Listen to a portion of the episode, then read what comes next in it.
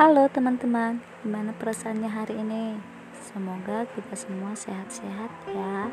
Oh ya teman-teman, di sini saya mau bercerita tentang masa depan. Setiap orang tentu memiliki masa depan masing-masing, entah itu tentang pekerjaan, keluarga, pertemanan, hubungan, dan semua tujuan hidupnya untuk masa depan yang diinginkan. Siapa sih yang gak mau masa depannya cemerlang? Tentu kita semua mau dong iya kan? Kan enak kalau masa depan kita itu terjamin. Punya pekerjaan yang bagus keluarga yang lengkap plus harmonis pertemanan yang awet dan hubungan yang positif juga. Juga hal lain yang membuat kita bahagia di masa depan kita. Tapi kalian tahu gak sih untuk mewujudkan masa depan yang cemerlang itu bukan sekadar ucapan doang dong langsung cus jadi orang sukses bukan? Butuh proses panjang untuk melewatinya. Tentu kita harus melewati anak tangga secara bertahap. Contohnya ibarat kita menaiki sebuah anak tangga. Kita nggak mungkin dong langsung melangkah ke anak tangga nomor tiga. Kan nggak worth it gitu.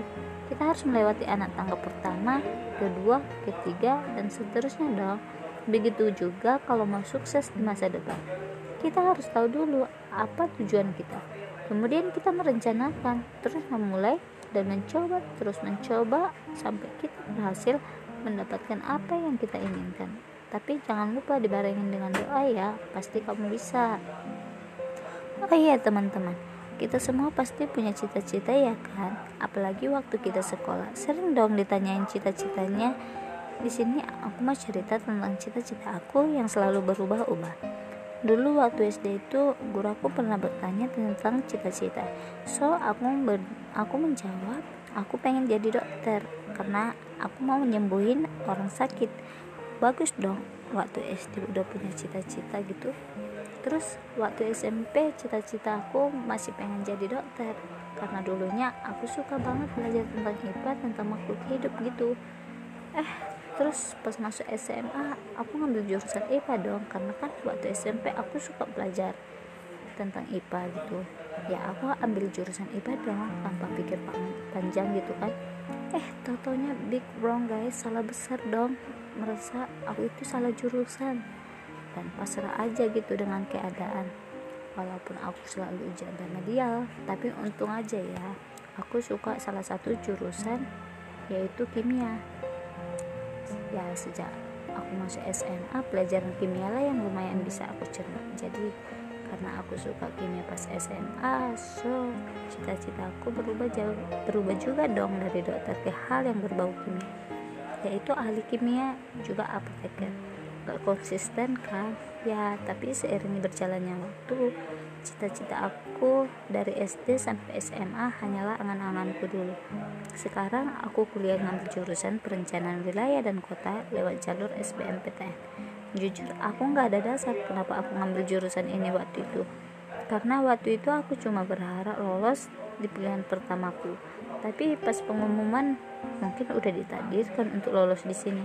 Ya sedih sih nggak lolos di pilihan pertama, tapi aku juga harus terima dong, iya kan? Aku harus belajar menekuni jurusanku karena bagaimanapun ini dasarku untuk memulai semuanya. Walaupun pada awalnya aku nggak punya dasar untuk membeli jurusan perencanaan wilayah dan kota, tapi aku sekarang mencoba untuk belajar karena aku berpikir kalau perencanaan wilayah dan kota itu pasti seru karena belajar banyak hal baik di bidang sosial, ekonomi, dan politik. Karena memiliki peluang karir yang besar, juga aku bisa mengeksplor kemampuanku dengan terjun ke sektor bisnis. Salah satunya bisnis properti, apalagi ke depannya semakin maju, pasti akan banyak hal yang akan dilakukan. Tapi sebelum tapi sebelum aku mewujudkannya ada beberapa hal dong yang akan aku lakukan. Yang pertama yaitu selama perkuliahan aku harus punya target, yaitu yang pertama nilai akademik aku minimal yaitu IP-nya 3,0 dan yang kedua harus aktif dalam berorganisasi untuk mempererat relasi satu sama lain.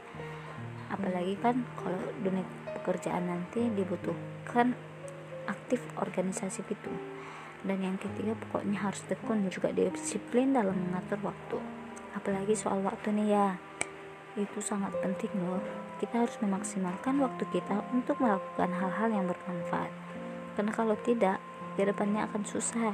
Pernah dengar nggak kalimat atau pepatah kayak gini? 5 menit yang kamu lakukan sekarang bisa mengubah hidupmu ke depannya. Ya menurutku sih itu benar. Karena apa yang kita lakukan sekarang bagian dari masa depan kita Intinya kita harus bisa manajemen waktu kita untuk hal-hal yang baik. Karena kita nggak mau dong masa depan kita suram Kan? Serem gitu. So, untuk masa depan yang cemerlang Intinya kita harus disiplin. Jangan males-malesan dah. Apalagi selagi kita muda Kita harus selalu mencoba, terus mencoba Dan jangan pernah merasa puas. Dan jangan sampai di masa depan kita Kita menyesal karena tidak mempunyai tujuan sewaktu dulu. Oke, sekian dan terima kasih telah mendengarkan podcast dari saya. Saya izin pamit. Terima kasih. Bye bye.